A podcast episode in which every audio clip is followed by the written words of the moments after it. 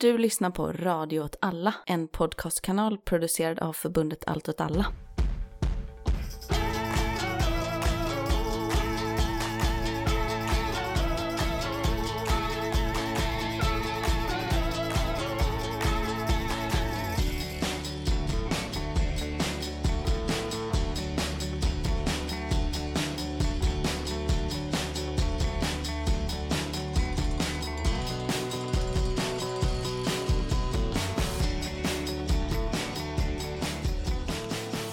Till Rörelse Udda krig och perspektiv. med mig Martin Hansson. Och med mig, Miran Andersson. Och idag så ska vi prata om att vi har fått paket. Det är bra, du blev lite orolig att du skulle glömma det, så du ville bara ta det Nu direkt. tar vi det direkt. Mm. Du har fått ett paket. Vi är jätteglada för att ha paket. Jag tycker du ska öppna det, för du har inte sett. Jag ska öppna paketet. Ja, jag har ju redan öppnat paketet. men Du, du kan... jag ser det nu. Ja. Många frimärken. Ja, tyr. eh. Det här har vi då fått från en lyssnare. Ja, vilken lyssnare frågar ni idag? Ja, Det skulle jag kanske kunna ta det reda på i tänkte jag att du hade tagit reda på. Ja, du trodde det, men jag har istället läst om Brasilien på Twitter. Vem har vi fått det här paketet av då? Anton på Twitter. Vad är handlen? Vi får ge en shoutout till Anton G. Läsen. Anton G. Larsen. Det är dansk. Han kanske är Är dansk. det Det dansk? vet vi inte, men han har ju gett oss svenskspråkiga böcker i alla fall. Ja, det får man se. Jag öppnade paketet här och eh, Svenskt rörligt kustartilleri, förband och material från eh, Svenska militärhistoriska biblioteket. Den ska jag förkovra mig i. Ja, en riktig banger, men det finns väl inte kvar. Det blir en väldigt historisk bok då. Man la ju ner kustartilleriet, men nu ska jag väl återstarta det igen, tror jag, nu någon gång. Okej, nästa bok här då, det är ett brunt paket med böcker i. Också en fin lapp. Japp. Hemliga sovjetiska flygprojekt under kalla kriget. Också av Svenskt militärhistoriskt bibliotek. Det är oerhört spännande. De är hemliga, men ändå känner Svenskt militärhistoriskt bibliotek till dem. Ja. De hade en insider. Åh, oh, här kommer en fett. Svenskt pansar. 90 år av svensk stridsfordonsutveckling. Jag ska förkovra mig. Det var de tre böckerna du fick. Mm. Nu har inte jag tagit med Svenska borgar och fästningsverk en militärhistorisk resguide, för den behöll jag hemma. Den behöll du hemma. Mm. Jag har redan idag läst på om Karlsborgs fästning, Just det. som man började bygga på 1800-talet när man tänkte att vi har förlorat Finland Mm. och nu kan Ryssland attackera kusten. Så då kan, kapitulerar de. då kapitulerar Stockholm, så då måste man försvara sig från eh, Vänern istället. Mm. Så bygger vi en borg där. Vad kul Mm. att läsa om. Ja, du gillar det. Jag gillar borgar jättemycket. Egentligen gillar jag så här riddarborgar. Jag är kvar i mitt nioåriga jag med legoborgar som ett stort livsintresse. Mm. Jag gillar inte borgar så mycket. Jag tänker att det faller under kategorin hästkrig. Det gör det ju verkligen. Fast de negerar ju hästarna på något sätt. Ja, just det. Och det kan jag ju uppskatta dem för. De är antihästar Ja, kan de man säga. är på ett krigets antihäst. Många tror att det är kulsprutan, men det är, Borgen. det är borgen, ja. Ja. Fortifikationen är hästens största fiende. Naturliga fiende. De är berg. Ja, alltså är det inte så att vi typ höll på att utrota hästen i Europa för att vi drev upp den på en klippa i Frankrike och åt upp dem? Det finns en sån mass, fransk massgrav nedanför något berg. Säkert. Det låter typiskt sån Men som hjortasprånget schysst liksom. Fast, sak man gjorde på stenåldern. Ja, men var så här, vad fan ska vi med de här jävla djuren till? Alltså man liksom inte fattar att man kunde domesticera, så man bara åt upp Ja. dem. Ja, Ja, det är ju gott med hästkött sägs det. nej, ganska tråkigt. Det är inte äckligt heller, det är liksom inget... Uh, har du ätit hästkött? Har du ätit riktig smörgåstårta liksom? Jag äter ju svensk varmkorv. Då lär det ju vara hästkött i den. Jag bara räknar med att Det ganska mycket av det kött jag äter i vardagen är hästkött bara sådär. Irländsk häst. Ganska mycket av det jag köper på Ica antar jag är hästkött Mm. bara. Äter du mycket färdigrätter? Ja. Mm. Du gör det? Ja, ja. Varför då? För att det är ett enkelt och prisvärt sätt att få en balanserad kost. Prisvärt är det väl inte? Alltså, när man lagar mat bara till en person, sig Mm. själv, då är det ganska svårt att göra det här, alltså det är ju okej, man kan göra storkok och äta samma sak många dagar i rad. Eller då inte stå utan normalkok och spara resterna. Ja, men för man ska laga lite mat till sig själv varje dag och köpa lite små paket och ingredienser, det blir inte så mycket billigare Nej. än att bara köpa en färdigrätt. Vilken är din go-to? Eh, ja, men det är väl antingen någon sån med köttbullar och potatismos eller någon sån black and white, eller sånt, jag vet inte. En bit kött och en bit Jag kan inte ta det här på allvar. Alltså, du äter färdig... Ja, alltså, eh, Gammal är du? liksom 95? jag, jag har inte heller gjort det så länge, jag har börjat med det ganska, men det är ju, jag kanske ska säga det också, det är ju främst när jag är ute och typ bor på ett eh, vandrarhem i jobbet. Okej, ja, men det har jag väl mer eh, förståelse för. Men, det- men, mm, men sen så har jag lite plockat med mig det beteendet hem efteråt också, alltså att jag kom Nej, igång där, ja. Jättekonstigt alltså. ja. That's the way it is. Ifall man istället då eh, köper två paket snabbnudlar och kokar ett ägg till, tycker du att det är bättre? Ja. Jag tror att man får sämre mat då liksom. Jag tror du får godare mat och du får billigare mat. Ja, visst det är ju lite billigare, men alltså det är, det är inte bra att käka snabbnudlar. Så. För att, Det är dåliga näringsvärden i dem jämfört Okej. med... jämfört med black and Balanserade. white. Ja, ja, det är balanserat. Det är ju någon som har suttit och räknat på det, näringsvärden hit och dit och liksom, Men det är också baserat på en sån 95-årings kropp. Så som jag alltså har. Ja, ja, det är väl så sant. Men liksom en 95-årig som har jobbat i industrin hela sitt liv, vars fru har lagat maten och nu då hon har dött och ja, det enda sättet han kan få mat är genom att... Du bor också i Malmö, liksom, du kan ju också gå ut och köpa Men mat. du tycker alltså det är chockerande, du känner till min normala kosthållning med till exempel en husmansbowl och så tycker du att det här är liksom en skandal. Då har du ju åtminstone...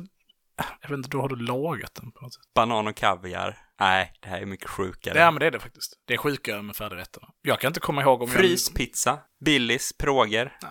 Nej, det är inte som Det- vuxen. Det tycker du, okej det, är- det är samma kategori. Nej, det är det inte. Det är mer normalt än färdigrätterna. Mm. Färdigrätterna är bara en bättre version av dem. Dyrare version. Nej, tänker att för Bill- att du köper två sådana billigpizzor idag, kostar 40 spänn. Eller 30 i Ja, alla men, fall. men jag tänker väl så här, Billispizzan kan väl vara ett okej liksom mellanmål för en vuxen människa.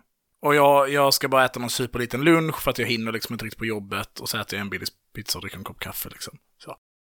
Det föraktar jag inte. Det tycker jag inte är konstigt. Men det här är ganska mycket samma kategori. Det är sällan jag till middag köper två hela sådana färdigrätter och äter till middag bara så. För det är ju det man måste göra för man ska äta dem till middag. Men så jävla balanserade var de inte. Nej, men de är ju luncher. Mm. Jag, jag, nej, det är så, ja. Nej, Nej, du alltså- gör ju vad du vill, jag, jag, men jag dömer dig. Okej, vi- nu är det mycket prat om, om, om mat. Det brukar bli så här. ehm, Tack Anton. Ja, tack Anton så jättemycket för, för böckerna. Hoppas du uppskattar vårt samtal om antihästar och eh, färdigmatsförpackningar för eh, åldrande män.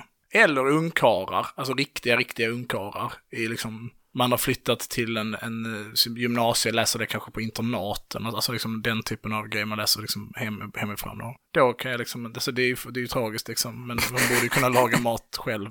Ja, men då, jag kan väl laga mat själv, inte det. Men du bara väljer att inte Ja. göra det istället själv. Och det är konstigt. Du vet också att jag har levt i perioder på de här shakesen med liksom eh, måltidsersättningspulver. Nej, det är också konstigt. Hur står sig det här i jämförelse med... Det klarar sig på grund av futurismen. Det kan liksom vara att det är liksom så, ah, ja okej, du vill du provar det liksom. Men ifall de här kom i någon sorts kapslar än de här papplådorna med Mannheimer på liksom. Då hade du också köpt det mer liksom. Att det var rymdmat mer. Ja, För det är inte så långt nej, men om ifrån. det hade varit en paste, du hade liksom, du hade tryckt ut en tub. Okej. Och bara så här, men jag äter det här istället. Det gör man ju ibland. Att man köper eh, baconost och bara suger i sig genom tuben. Ifall man eh, ska ha lunchmat när man man är i skogen. ibland? När man är i skogen. Ja, ja. Och då är det liksom, Då köper du igen. ja om du är på resande fot, men då hjälper, då hjälper inte de här Mannerheims lådor dig liksom. Mannerström. Mannerheim. kom, de tar man fram när man kommer till sitt vandrarhem. Ja. Där det bara bor polska gästarbetare och socialt missanpassade personer. Vilken kategori tillhör du? Jag uppenbart den senare. Medan din chaufför är den första kategorin. alltså de facto. Men... Okej. Eh, vi släpper det. Vi går vidare. Jag tänker att eh, återigen, tusen tack för böckerna Anton. Du får gärna... Eh, du låter det som jag pratar med Anton nu. Myran, Mm. vad... vi Ska, ska vi ha ett nyhetssvep eller?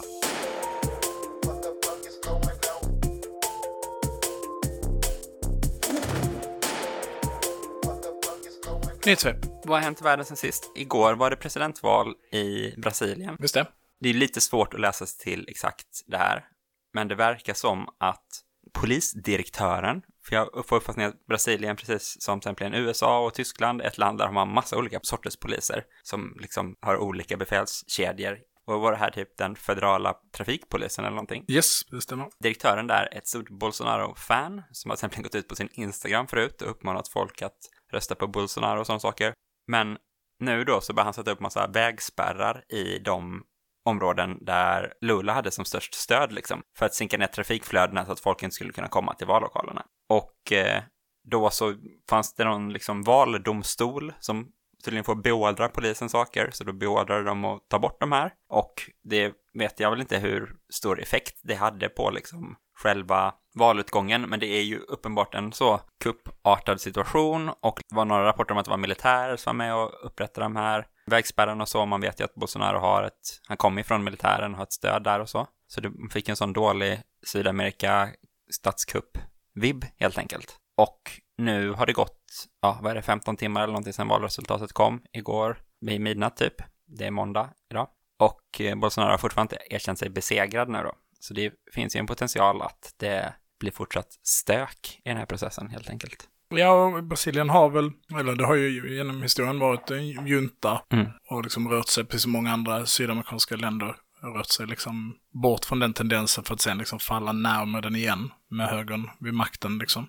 Samtidigt finns det väl inte något sånt här, liksom, det är inte några generaler som varit ute och hotat med att saker måste bli på ett visst sätt eller så, så det kanske kommer från något annat håll än den klassiska junta-hållet den här gången. Mm. Men det är väl oklart hur det liksom kommer spela. Jag tror ju inte att det kommer lyckas liksom, men det kanske blir en push till från Bolsonaro. Lite som Trump liksom. Det är ju hans stora, hans stora förebild också, så han kanske gör någon sån, försöka uppmana sina anhängare till att liksom påverka, begära omröstningar eller någonting liksom. Mm.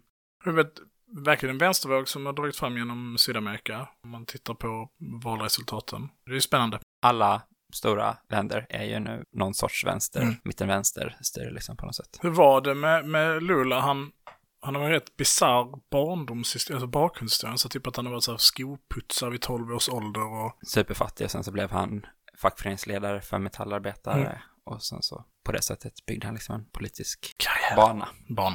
Okej.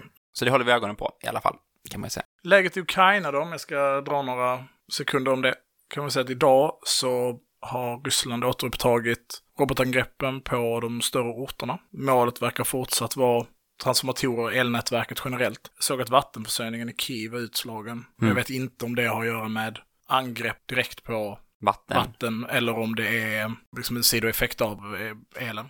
Jag läste någonstans att många av de här transformatorerna och liksom olika delar i elnätverket, jag kan verkligen ingenting om el. Jag vet inte ens hur el fungerar. Jag har försökt förklara det här för dig många gånger. Ja, och det är verkligen gibberish. Mm. Men är liksom, det är komponenter i dem som är liksom specialbeställda. Alltså att man gör dem till ett specifikt nätverk, vilket gör att det kan vara ganska lång leveranstid på... Någon sorts print on demand för elektroniska komponenter. Men precis, att liksom den här transformatorn behöver den här... Jag vet inte, transform- jag bara säger Nej. transformator, Ja. jag vet inte vad en transformator är. Jag antar att de förändrar... hur- Spänning säkert. Eller så. Ja, Ja. vi Mm. säger det. Och att det kan ha långsiktiga effekter. Jag såg också att Ukraina hade typ gjort en typ av statlig app för vedförsäljning på något sätt. För att Oj. liksom börja förbereda för en eventuellt väldigt kall vinter.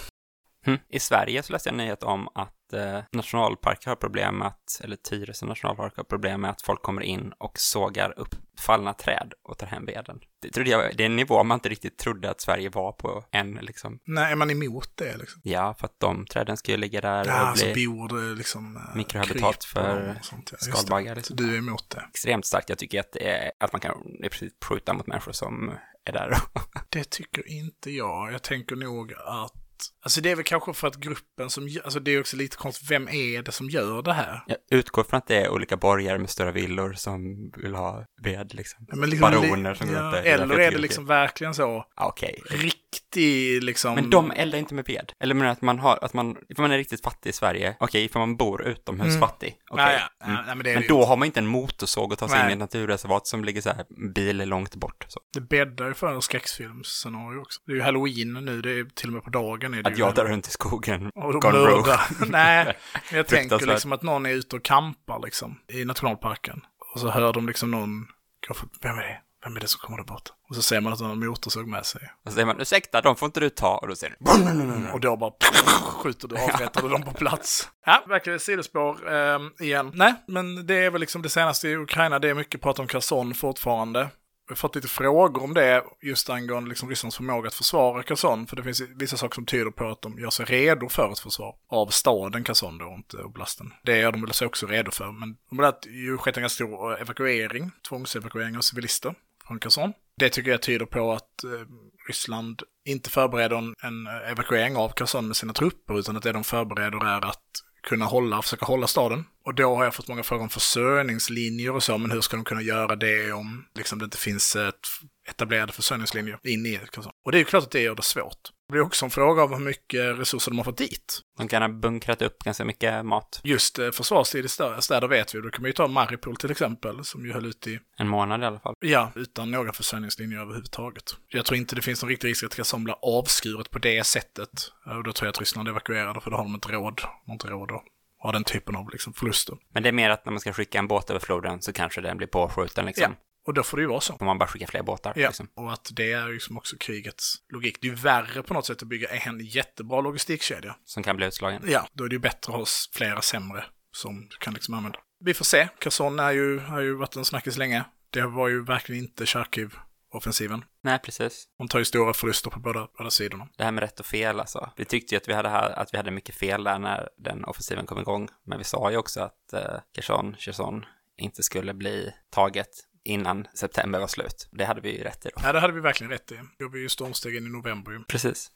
Ska vi eh, gå till dagens eh, huvudämne eller har du något mer nyhet du vill orda om? Jag ville prata lite om det här med spannmål och Ryssland och så, men ska vi göra det i nästa bit? Mm. För det är plats där liksom. Det får plats, det ryms. Tänk att man kan säga det. Jag eh, lyssnade på Värdet av pengar. Mm, jag med, precis. Jag slutade lyssna fem minuter innan jag kom hit. Jättespännande. Det handlar väl rätt mycket om typ så hur man förhåller sig till budgetar och, eh, Statsbudgetar alltså. ja, och, och liksom finansiella ramverk och så. Det tänker jag att du och jag får prata mer om sen, för jag förstod ingenting av vad de sa.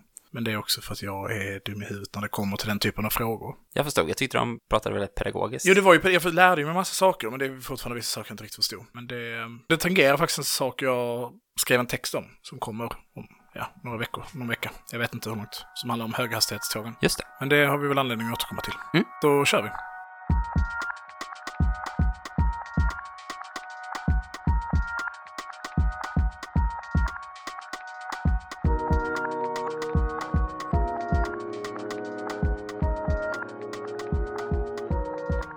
...5 september 2014 signerades Minskavtalet, eller det som är mer känt som första Minskavtalet. Eh, syftet var att uppnå en vapenvila mellan parterna, vilket ju i praktiken förstod som å ena sidan Ryssland och å andra sidan Ukraina. Ryssland ville väl mer se det som att det fanns en annan part som ju då var de här Luhansk och eh, Donetsk separatistiska rörelser. OSCE fick till uppdrag att övervaka länderna och se till att överenskommelsen efterlevdes. Fångar skulle släppas, val skulle hållas och Donbass skulle återbyggas. Det höll inte. Stridigheterna fortsatte. 12 februari 2015 signeras det nya avtalet, Minsk 2. Det handlade återigen om att få till en fungerande vapenvila. Överenskommelsen fokuserade på att flytta tyngre vapen från frontlinjen och berörde mer specifika områden för tunga strider. Även detta avtal misslyckades uppnå en bestående vapenvila. Striderna fortsatte. I mars 2021 så började Ryssland gruppera större förband vid Ukrainas gräns. Det börjar med att 3000 soldater tillhör de ryska luftburna trupperna VDV posteras nära gränsen. Och det var antagligen ett svar på att Ukraina hade slagit till mot Viktor Medvedchuk som var en prorysk aktör i Ukraina. Senare i mars så genomför NATO övningen Defender Europe 2021 som är en av de största NATO-övningarna som har genomförts post kalla kriget. Trupperna som Ryssland hade posterat vid gränsen under våren 2021 bygger basläger, infrastruktur och man kunde se ett tecken på att de började förbereda områden för en större militär operation än de som hade posterats där. Medan under sommaren 2021 så började delar av de här förbanden dras tillbaka. Men sen i oktober så började trupperna öka igen. Samtidigt förnekade Putin att det fanns en intention att återuppta offensiven i Ukraina. Däremot så pratade han allt mer öppet om ett påstått folkmord av rysktalande i östra Ukraina. Vilket då gav honom casus bellum för ett krig i Ukraina. I december 2021 så genomför Putin och Biden ett videomöte. Några dagar senare lämnar Ryssland över ett utkast till ett avtal där USA skulle garantera att det inte skulle placera trupp eller vapensystem i östeuropeiska länder som inte var medlemmar i NATO. Senare tillades också att NATO skulle återgå till medlemsländerna innan 1997. Förhandlingarna nådde ingenstans. USA undertecknade inget avtal, utan gav bara muntliga löften. Och 24 februari så valde Ryssland att återigen invadera Ukraina. Idag ska vi prata om påverkan. Som idag, i det förra avsnittet vi pratade om avskräckning, så sa jag att påverkan går att förstå som ett, ett syskonbegrepp till avskräckning. Det går att förstå det som hände den 24 februari som ett misslyckat försök till påverkan. Eller coercion som man säger på, på engelska. Ska vi säga så militärtekniskt så finns det ett annat som heter compellence som också är ett begrepp som man kanske tangerar det här. Vi väljer att använda ordet påverkan eller coercion. Som handlar om att med militära medel, men inte nödvändigtvis krig, försöker påverka en annan stat eller icke-statlig aktör så riktning på sin förda politik.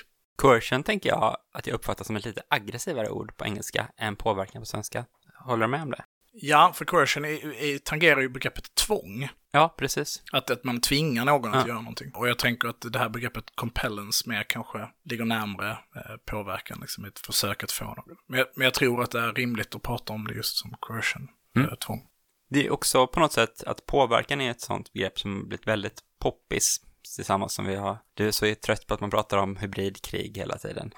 Eh, eh, och påverkansoperationer är väl lite samma sak, att det har liksom gått lite inflation i det för att allting är en påverkansoperation. All sorts utrikespolitik kan man benämna som det på något sätt för att man försöker påverka andra till någonting man själv vill. Det är ju det som är liksom diplomati och förhandlingar och allt möjligt liksom och utspel utav alla olika slag. Och operation kan man ju bara kalla vilket liksom lite samordnat, eh, genomtänkt handlande som helst liksom. Så Men precis, Om man ska kommentera det på något sätt Ja. så är det väl tydligt att man i militära termer, eller som jag vill förstå begreppet coercion, compellence eller påverkan, så är det ju att det handlar om ett tydligt militärt inslag. Man kan ju prata, jag kan ta några exempel för som brukar lyftas fram som typiska exempel på coercion diplomacy eller liksom coercion eller compellence genom historien. Och då kan man ta till exempel hur USA hanterade ursprungsbefolkningen i Nordamerikas steppfolk. Alltså att man är, ni ska bo i de här reservaten, om ni inte gör det, då dödar vi er. Vårt mål är inte att döda er allihopa. Vårt mål är att ni ska göra det här vi vill att ni ska göra. Det är mer liksom av en bestraffningslogik på något sätt. Det är ju ingen total liksom av en påverkansoperation på det sättet som begreppet används idag. Allt annat är liksom Kuwaitkriget till exempel. Det är inte ett krig på sättet att USA går in i Irak och avsätter Saddam eller tar mark av Irak eller liksom så. Utan det är vi kommer bomba er tills ni gör som vi vill. Det är coercion. 2003, Gaddafi. Alltså när man tvingar Kadaffi att ge upp sina massförstörelsevapen. Är också här, gör detta nu, annars kommer vi bomba dina massförstörelsevapen tills du gör det. Och då är det ju inte liksom en diskussion om att, om att det är några liksom rysk-polska tavelsförsäljare eller någonting, utan det är, men vi kommer använda de här bombflygen eller vi kommer använda vårt kavalleri till att systematiskt mörda ditt folk fram tills du gör som vi vill. Och i relation till avskräckning som vi pratade om förra gången, så för mig låter det lite som att avskräckning är det defensiva och påverkan coercion är det offensiva då liksom. Att det är inte så här ifall ni attackerar oss så kommer vi svara, utan det är så vi vill att ni ska göra det här och gör ni inte det så kommer vi genomdriva det eller genomdriva något annat med våld. Vi kommer bestraffa er liksom. Precis. Så går det att förstå. Däremot så hänger de väldigt tätt ihop. Din resiliens att bli utsatt för coercion spelar ju roll i relation till vilken avskräckningsförmåga du har. Ja. Men också att avskräckningen, man kan prata om det som defensiv, man kan också säga att den avskräckningen på något sätt bär status quo. Just det. Alltså avskräckningen försöker inte i sig få till stånd en ny, ny situation. Utan avskräckningens syfte är bara att alla ska liksom ligga lågt. Ja. Medan coercion då bryter mot status quo. Eller, alltså för avskräckningen går att förstå som i nu börjar det här landet göra någonting. Nu visar vi dem att det kommer att kosta dem jättemycket. Det är mer passiv på det sättet. Men liksom, man kan tänka sig avskräckning som att eh, flyga eh, jaktplan eller bombplan längs fiendens gräns. Ifall fienden i sin tur har börjat göra någonting eller bete sig en viss riktning. Så det blir lite också så här, samma handling kan ibland ses som avskräckning och ibland som påverkan beroende på vart i händelseförloppet man börjar kolla på något sätt. Eller vem som tittar. Ja, ifall man tar typ Kubakrisen så, Mm. så kan man säga så. Sovjet-Kuba försöker hota USA till att sluta ha, återigen, medeldistansrobotar Mm. utplacerade i Turkiet och i Europa. Så det är liksom ett aktivt påverkan att försöka ändra hur, hur status är. Men grejen är att backar man bandet lite, då är det snarare att de visar sin avskräckning mot den punkten som var innan USA började placera ut de här robotarna i Turkiet och Europa. Så att, att i det perspektivet är det ett avskräckningsvapen istället. Ja, och jag tänker att det lilla stycket jag läste om, liksom upptakten, så kan man ju säga att Defender Europe 2021 går att förstå som både och. Mm.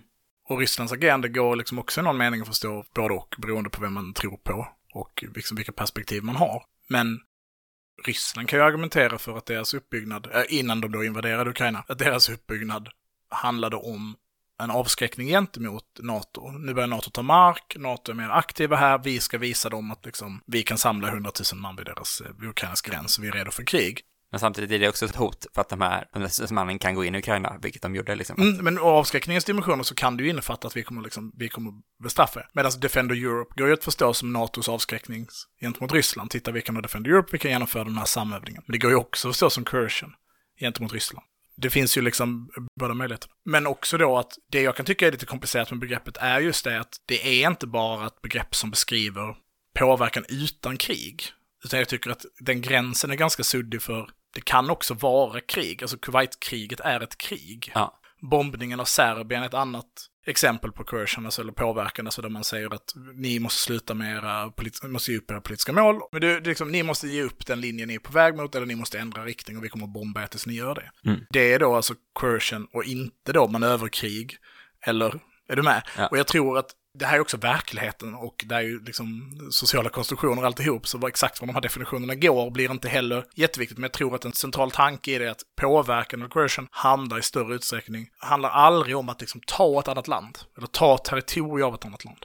Utan det handlar liksom om ett lands, att förändra ett lands agerande på något sätt. Samtidigt har vi väl sagt tidigare i den här miniserien, som vi nu är på, kanske det sista avsnittet av då, att det handlar kanske inte heller om att man måste komma fram till vilket som är det rätta, utan att det bara kan vara nyttigt att ha de här begreppen med sig och turas om i att tänka på samma skeende med flera olika av dem och att det bara ger en en ökad förståelse för att kunna förstå förlopp och så. Och det är väl det vi vill ha den här teorin till liksom överhuvudtaget. Absolut. Inte komma fram till det rätta, vad det är egentligen det ena eller det andra liksom, utan att okej, okay, får vi kolla på det med det här begreppet så kan vi förstå det så här och då blir det här logiskt. Får vi kolla på det med det här begreppet så blir det logiskt på ett annat sätt och så. Ja, och att det är liksom fråga om strategier, alltså att det är fråga om långa förlopp där man vill liksom uppnå vissa specifika politiska mål i vissa fall. Och jag tänkte mycket på när jag läste om påverkan inför det här avsnittet, det blev ju fokuset väldigt mycket de här väldigt militariserade, väldigt våldsamma, brutala händelserna. Men man kan ju också förstå Vietnamkriget till viss del. Alltså, USAs inblandning i Vietnamkriget som en del av en påverkan. Och kanske inte nödvändigtvis mot Nordvietnam, även om det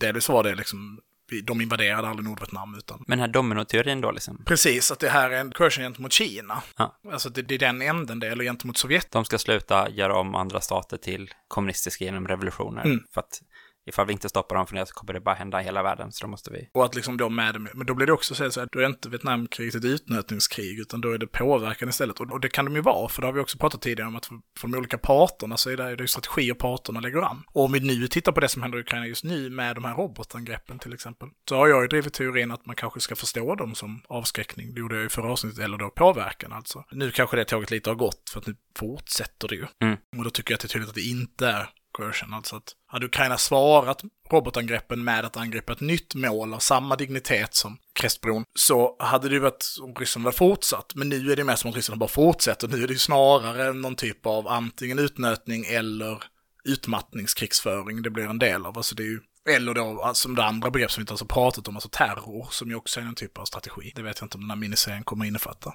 Men finns det inte någon också aspekt där man kan skona in det genom att säga att de liksom verkställer hotet också efteråt. För att nästa gång man hotar så ska det ha större tyngd. Man kan inte ropa varg och säga vi kommer göra det här och ni gör det där. Och sen så gör någon det. Då kan man inte bara säga okej, okay, ja, ja, vi kan inte bränna av vårt hotvapen vi vill ha kvar. Utan man kanske då är snarare vill bara utföra en lång bestraffning för att i nästa situation säga det där kommer hända igen nu. Absolut, och det har jag ju pratat om tidigare, att det är nog rätt rimligt att förstå de nyupptagna offensiverna i Ukraina 24 februari som uttryck för att Ryssland kände sig tvungna att genomföra dem.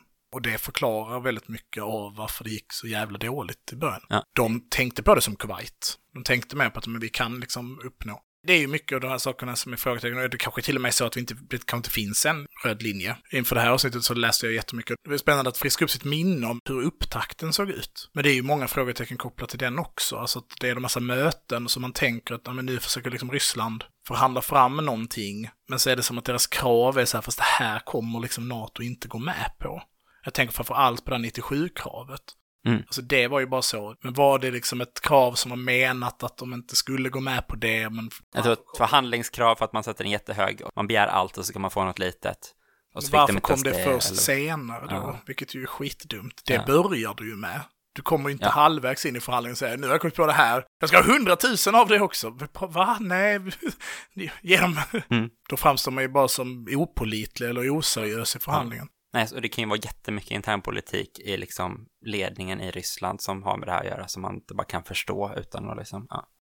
Absolut. Och jag tänker då att om man ska knyta liksom an de här militärstrategierna till, till liksom samhälls, till freden eller till liksom det politiska samhället, vilket vi ju pratar om det ibland, så känns ju just den här typen av, vi försöker med kraft påverka vår motståndare att göra olika val. Och att även om man liksom inte kan segra i en konflikt, för att man inte är stark nog till att göra det, så är man stark nog för att vara ett problem som måste hanteras. Alltså att den här typen av som är kanske begränsade krig då till exempel, vilket man kan tänka att påverkan kanske faktiskt ryms inom det begreppet på något sätt.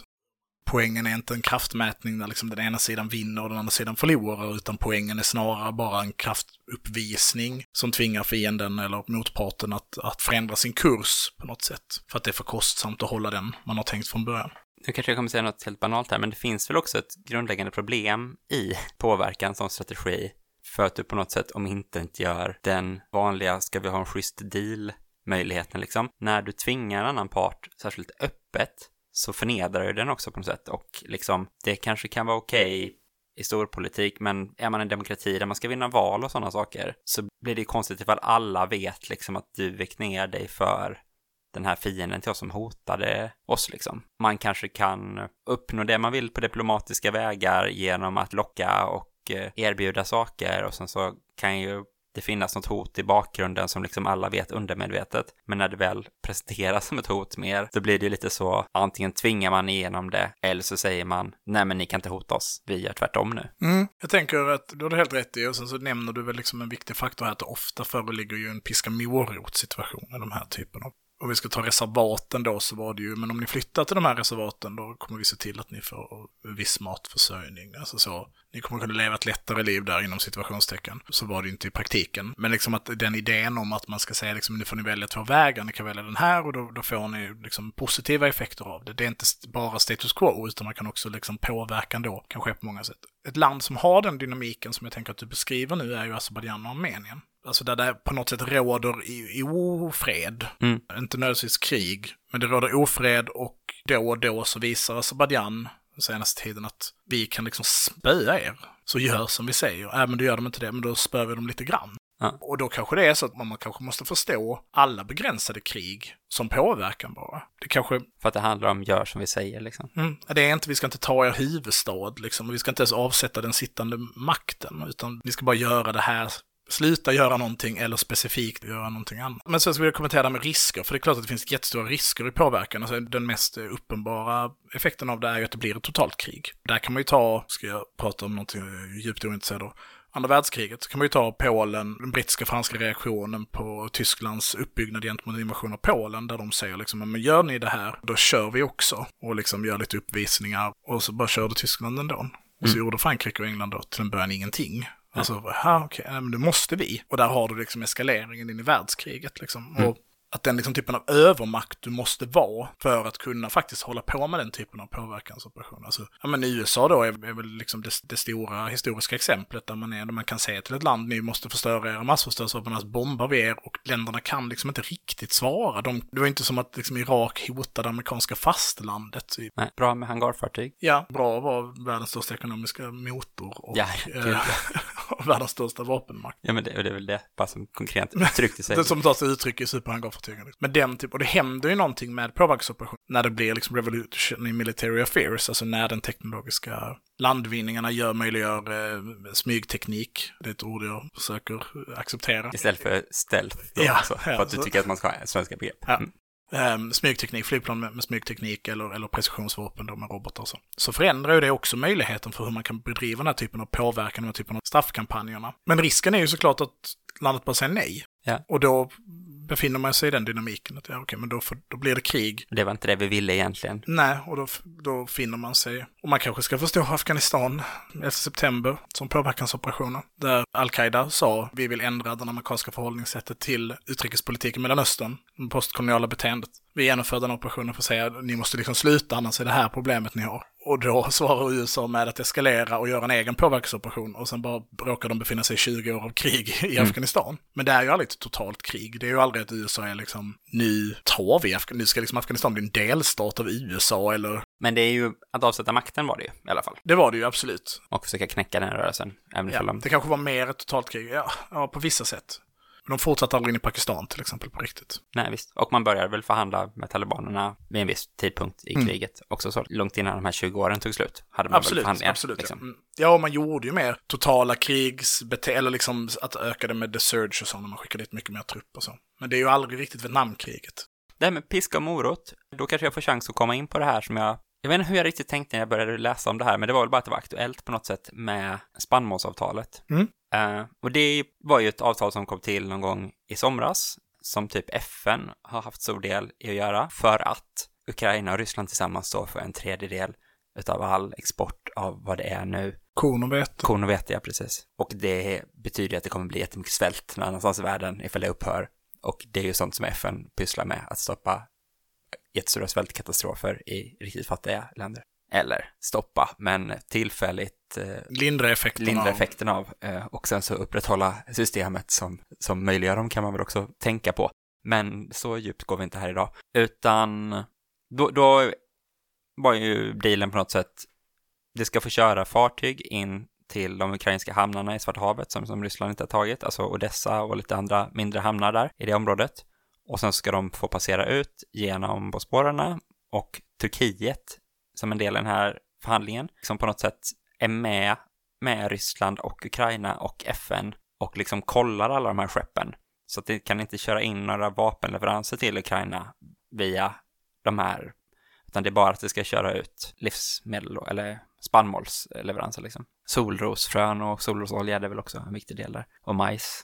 Och i utbyte mot det här fick ju den ryska då jordbrukssektorn undantas från sanktioner och blockader också i hög utsträckning. Så att de får sälja både livsmedel och också konstgödsel är väl en väldigt stor rysk produkt liksom som inte produceras tillräckligt mycket i resten av världen. Så det behöver liksom också andra länder köpa för att hela det globala matsystemet ska funka typ. Och eftersom det här då på något sätt ligger i västs intresse att det globala matsystemet fungerar. För det är också en, och bara inte bara för att man bryr sig om att fattiga människor inte ska svälta ihjäl, utan också för att levnadsomkostnadskrisen drivs ju först och kanske av bränsle och drivmedelspriser och eh, i andra hand av eh, priser på mat. Alltså det är det näst viktigaste och det har ju en väldigt tydlig koppling här liksom. Men man kan ju också se det på något sätt som att eh, Putin såg en möjlighet här till att ha en morot. Så här, har jag en kontroll över det globala matläget liksom med den här dealen, då är det ju i moroten att liksom bibehålla, att den ska bibehållas. Det är ju en jättestark förhandlingsfaktor liksom. Och det som har hänt nu då är ju att Ryssland säger att det var typ en drönarattack mot Svarta havsflottan i Sevastopol som de menar att Storbritannien var inblandade i på något sätt. Jag vet inte om du har sett filmen? Nej. Det är en, en undervattens, um, inte en undervattens, en, en, En sån radiostyrd båt. ja, Ja. En drönarbåt helt enkelt. Ja. Eller liksom en, en torped, eller vad man ska beskriva det som. Men Jag såg en foto på en sån båt sen, Ja. sen kanske var därifrån. Ja. Jaha, och den kör in i ett fartyg. Ja. Och då är de så här, men de här skeppen var ju de som skulle vakta från vår sida att eh, de här spannmålstransporterna kan genomföras. Så när ni attackerar den, då bryter ni er sida av avtalet.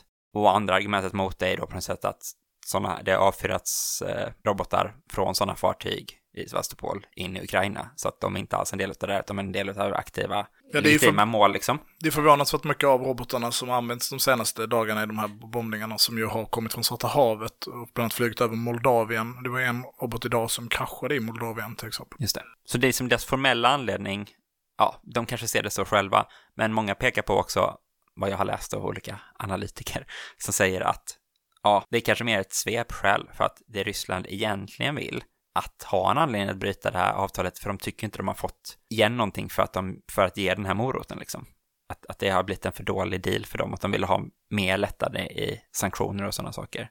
Och alltså, det, det är ju en jätteallvarlig grej för resten av världen ifall det faktiskt stoppas. Man, det, det är svårt att släppa det. En tredjedel av allt, liksom, de här sorterna spannmål exporteras här igenom från Ukraina och Ryssland tillsammans, men det blir liksom ett sammanvävt system i det här fallet. Ja, jag gjorde mig ovän med många högertyckare när eh, den här diskussionen var uppe från början innan spannmålsavtalet hade slutits för att jag sa att jag, jag tror att Ryssland kommer gå med på spannmålsavtalet och folk hävdade att de inte skulle göra det eftersom att det var en del av hybridkriget som Ryssland förde att liksom Stoppa det. stoppa. Så gjorde de ju det och det har ju gått ut fartyg, alltså de gick Ja. ju med på det. De var ju nästan uppe i, eh, alltså före februari, nivå av eh, export av spannmål har varit under det här avtalets eh, upprättande. Utan alltså snarare det handlar om flera olika saker. Jag, jag tror att du är helt rätt på det, att, att det handlar om att det är ett problem för Ryssland att de inte har, de har inte så mycket saker att förhandla om, att erbjuda. Nej. Alltså, nu på tal om högertyckare som är arga på mig, men liksom tar att i och med att Nord Stream 2 och 1 sprängdes så är inte gasen den frågan längre, för det är Polen som dikterar de villkoren med, med den stora gasledningen och Europipe är fortfarande inte sprängd. Nej. Och Baltic Pipe är fortfarande inte sprängd, vilket ju var det som ju... Var argumentet för att det var Ryssland själva som har gjort det för att de skulle kunna fortsätta med att göra det i nästa steg. Ja. Och när både spannmålen och gasen är ute ur bilden, då är ju påverkan till Europa, den finns ju inte riktigt, för det finns inget, alltså förutom bara liksom kostnaden av att driva kriget, liksom den, jag såg att USA skulle låna ut, godkände liksom ett nytt lån på 5 miljarder dollar för att betala ut löner till soldater, alltså det är ju ofantliga mängder pengar. Ja. Vapenleveranserna har inte stannat av, utan tvärtom så de kommer öka och Sverige kommer ju öka nu, jag är rätt säker på att det kommer bli Archer-system nu som, eh, som kommer skickas Mm, jag såg att det var från liksom svensk militärsida att man var ute och kommenterade och sa jo, men ni måste ju fatta att det inte bara skicka ner dem dit. när jag ska utbildas och så också. Ja, och eh, vi har bara ett ställe att reparera dem och det är Boden typ. Så att ska vi, Dåligt hålla på, ska vi hålla på och skicka dem fram och tillbaka? Nej, vi måste antagligen upprätta en infrastruktur där nere så man kan reparera dem på plats och sådana saker också. Så att det är inte riktigt så enkelt som att bara skicka ner. Nej, eller så kommer det vara jätteviktigt för högern att eh, få lite bilder på Archer-system Okej, i så man skickar ner dem och sen så går de sönder efter ett halvår, sen så är det bara det Så får man var. liksom Ja. skeppa hem dem och så får det vara färdigt liksom. För det har ändå varit en tal om lån och sådana saker liksom. Ja, visst. Jag ska inte ta gift på det, men jag tror att det blir både RBS 90-system eh, och, och Archer, ska jag tro att de får iväg. Men det är ju den här då tillbaka till den frågan av vad Ryssland har att förhandla om. Alltså det finns ju tecken på att Ryssland vill komma till förhandlingsbordet nu. Och man kan förstå robotangreppen, även om det då är lite svårare att förstå nu, som ett sätt att försöka tvinga Ukraina, alltså påverkan då att tvinga Ukraina till förhandlingsbordet. Och kan man då bryta spannmålsproduktionen, vilket måste, eh, exporten, vilket måste vara ett jätteproblem för Ryssland, för det är ju också jättestora pengar för Ryssland. Absolut, och det är inte bara ett problem. Alltså, först ska man säga då, förra året var typ någon sorts rekordår för rysk spannmålsexport liksom. De tjänade jättemycket pengar på det, 2021. Och det har också varit rekordskörder i Ryssland. Samtidigt som det då har ju då varit torka i Europa och så, så det, det har ju, finns verkligen en världsmarknadsandel för dem där liksom. Och eh, då fungerar ju också spannmål så här, att det växer på fält, du skördar det, du skickar in det i stora cisterner och sådana saker. Har du fyllt de cisternerna, då kommer det upp en ny skörd nästa år.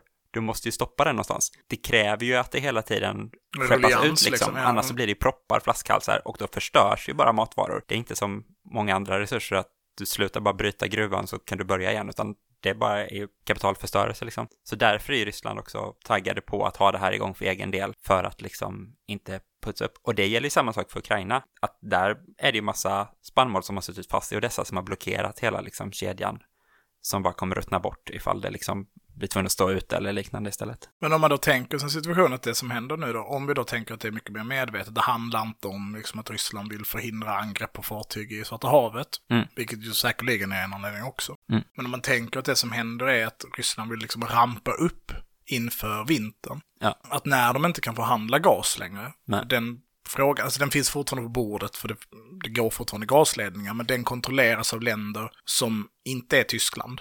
Alltså det är ju det som är den stora faktorn. Alltså Tyskland och Frankrike är inte direkt på, alltså de, de dikteras av länder som har en ganska fientlig inställning till Ryssland. Då, när gasen inte finns längre, då kan matproduktionen bli, eller spannmålsexporten, bli det förhandlingsverktyget de har kvar. Och den kombinationen kanske gör att de både kan få Europa att liksom tagga ner, eller åtminstone få till stånd en vapenvila. Ja. Är det här påverkan då? För att, ja men här har du ju ändå liksom, dels är det ju väldigt civilt liksom, matexport så, men det finns ju också den här kopplingen till de här krigsfartygen och sådana saker. Nej, det är inte påverkan. Nej. Alltså, det är inte, det, man, nej. Man, man kan inte säga att, att det är en militär handling att ett land som befinner sig i krig mot ett annat land inte säljer eller gör mm, ekonomiska avtal ihop med dem. Men det är mer så, Det är vi väl ska inte normal- skjuta på era båtar som har dem, Jo, men det är väl mer helt normala diplomatiska relationer mellan länder. som är i krig med varandra. som befinner sig i krig med varandra. Men det är inte en påverkansoperation i den Nej. meningen, utan en påverkansoperation måste ju vara någonting som bryter mot det gängse sättet mellanstatliga relationer fungerar. Mm. Som att till exempel bomba deras städer eller lönnmörda deras politiker eller förgifta deras vattencisterner. Att inte vilja göra fördelaktiga ekonomiska avtal med sin fiende kan väl ändå inte räknas som en militär handling per se.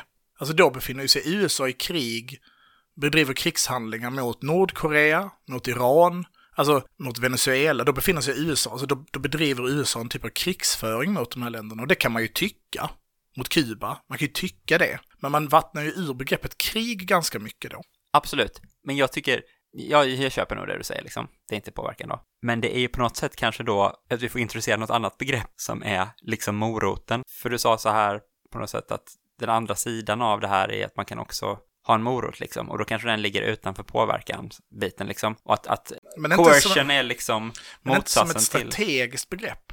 Det här är ingen krigsvinnare. Alltså hade det funnits en, liksom en krigsvinnande dimension, alltså dimensionen av att Ryssland uppnådde sina geopolitiska mål genom ett eventuellt spannmålsavtal. Att du kan säga okej, men vi får exportera vårt spannmål, vad snällt, då får ni Krim och de alltså Luhansk. Ja, då hade det ju varit någon typ, alltså om det var på den nivån. Ja. Men det här är inte, det är liksom en del av det, det här är inte en strategi per se. Så man kan ta eh, en av de mest omfattande blockaderna i världshistorien, alltså blockaden av, av Tyskland under första och andra världskriget, där man liksom svalt ihjäl eh, hundratusentals tyskar. Det är ju en del av utnötningskriget, eller utmattningskriget. Mm. Alltså att, och då är det ju en krigshandling. Men att liksom ekonomiska transaktioner, jag vet inte, har, vi- har väl sanktioner mot massa länder. Så man får liksom inte handla hur som helst. Jag, jag tänker att vi inte får handla hur som helst med Iran till exempel, för att EU och NATO har bestämt det. Det var det hela kärnvapenavtalet handlade om. Men ifall du... Är vi i krig med Iran? Bedriver vi liksom krigsliknande handlingar mot Iran? vara djävulens advokat här liksom. Ja, då säger du, då var det det i Tyskland, när man i första världskriget gjorde en total blockad och svalt ut liksom. Ifall Ryssland då ser sig i krig med hela västvärlden Det är de inte. och hela... Men det är de. Men ifall de tänker på det på det Men då tänker då... Då har de fel. Då, För det, men, men du, då- ifall det här orsakar massvält och hundra miljoner människor dör i andra länder liksom. Nej, men inte i väst. Nej, men i, i Ja, då är det väl länderna länder de som svält... ligger under... Ja, men då är det Ja. liksom i Nordafrika då, för där pratar man väl bland annat Ja. Egypten och så. Ja, då befinner sig Ryssland i krig med Nord, eller med Egypten då, men det... Det blir väldigt vilt. ja, nej men... Mm. Nej, men, eller, Ja. jag ska inte vara så kategorisk och säga, jag, jag tycker bara att man, man med all rätt kan säga så här, fast den här spannmålet måste ju exporteras. Ryssland ska ge fan i att sänka handelsfartyg liksom. Men det är ju, innefattar ju för att de ska ge fan i att invadera andra länder. Det är ju inte som att det i, i sig utgör liksom någon Ett extra brott. Nej, och, och det, de har och försöker ju heller inte bära en blockad mot eh, Ukraina. Nej, inte mot Ukraina, utan ut från Ukraina. Det är det Ja. som är den weird situationen här på något sätt, att det inte är, det är inte ukrainarna som kommer svälta efter det här, utan Nej, och, nej jag, jag tycker det är svårt att se det på det sättet. Men sen så tror jag att Ryssland generellt sett behöver att det blir tuffare i Ukraina. Men det ser jag som en del av utmattningskriget. Alltså att de behöver få det. mm, det här kommer göra det bli tuffare snarare i Europa och också i världen. Ja, men så just eftersom att det är krig så går det inte att använda påverksbegreppet på det sättet. Nej. Utan Ryssland befinner ju sig i, i någon mening i, inte ett totalt krig, men i liksom ett, ett begränsat krig med Ukraina. Mm. Vilket nog från början var tänkt som ett, en påverkansoperation. Alltså, vi omringar Kiev och sen så ska Ukraina med på det här med Zelenskyj sitter kvar, men, men sen så blir det, slutar vi något avtal. Ja. Det kan ju vara, det, det är ju en påverkansstrategi. Men så är ju inte läget idag. Nej. Nej, Mm. vi behöver ta och avrunda där. Då med detta är väl kanske den här serien slut då. Och vi har gått igenom ehm, begreppen manöverkrig, eh, förintelseslag, utmattning och utnötningskrig, avskräckning och påverkan. Det är för du får ett sug efter terror då. Ja, det skulle väl vara spännande, men vi kanske mer ska Vi får en ny serie. ny serie där vi tittar mer på liksom ehm, på det irreguljära krigets eh, strategier mer eh, specifikt. Jag tänker att alla de begreppen, har vi väl ofta återkopplat till liksom irreguljära konflikter när vi pratar om de begreppen. Men man ser ju dem gå igen på olika sätt. Möjligtvis skulle vi kunna ha ett avsnitt där vi liksom tar den större blicken på allt det här, de här sex begreppen liksom och se om vi har lärt oss någon större skala sak. Det kan vi fundera på till nästa Ja. vecka. Absolut. Nästa, nästa vecka. Mm. Tack så jättemycket för att ni har lyssnat. Man kan följa oss på sociala medier. Där heter jag Torkan1337 på Twitter och du heter Slukkoll. Ja, ja. Man kan följa oss på Instagram. Där heter vi Eld och rörelse. Heter vi inte alls på Instagram. Eld, punkt och punkt rörelse. Facebook heter vi Eld och rörelse. Man kan köpa t-shirts av oss om man vill. Googla webbshop, allt åt alla. Stort tack till våra jingelmakare. Stort tack. Ha det fint. Hej då. Hej då.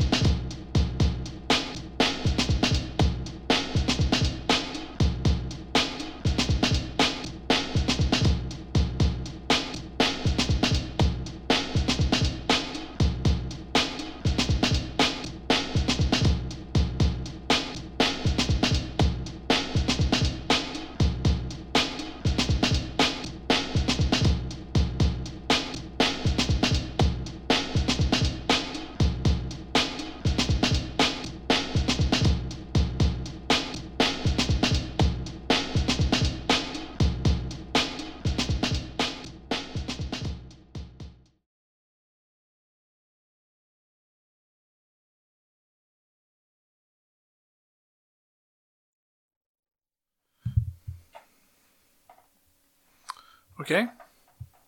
Är du redo? Jag sin godis med. Rullar vi? Spelar vi in? Det är såna ASMR-ljud igen. Precis, att det, är, att det handlar om att du vill eh, nå den ganska smala lyssnargruppen. Det var ju otaktiskt. Är det bättre så här? Nej, lite mer kanske. Lite mer vadå? Kräm i förgasaren kanske? Kräm i förgasaren. Det låter ju... Maxa ut då. Lite mer kräm i förgasaren! Men så kan vi inte sitta och skrika. Det blir en helt Ja, men orimlig jag vill bara kolla hur eh, högt... eh, Ja, hur långt det tar innan man slår i toppen på... Ja, där någonstans ska jag inte prata så högt. Nej, så högt ska du nog så här högt prata. kan jag prata i alla fall. Det är helt okej. Är- det blir rött där Mm. också. Blir det rött där också? Nu är det rött. Okej. Okej, men eh, ja, men jag, jag- ja, lite kanske du ska sänka då ändå för att jag vill ju gärna kunna, alltså ibland brista ut i ett sånt här högt hej. Men alltså, ja. Det är ibland, det gör väl inte jättemycket att man har lite toppar heller. Nej, men vi kan ju undvika det om det är möjligt. Ja. Kanske kan undvika det om det är möjligt. Kan vi möj- möjligtvis undvika topparna? ja, Okej, vi kör på det här då. Jag tror att det blir bra. Har du ätit färdigt? Tack för godiset. Ta barnens godis som ska ha halloween.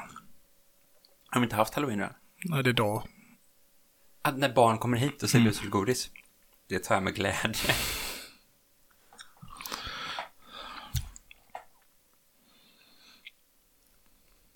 ja. Okej. Okej. Hej, välkommen till rörelse.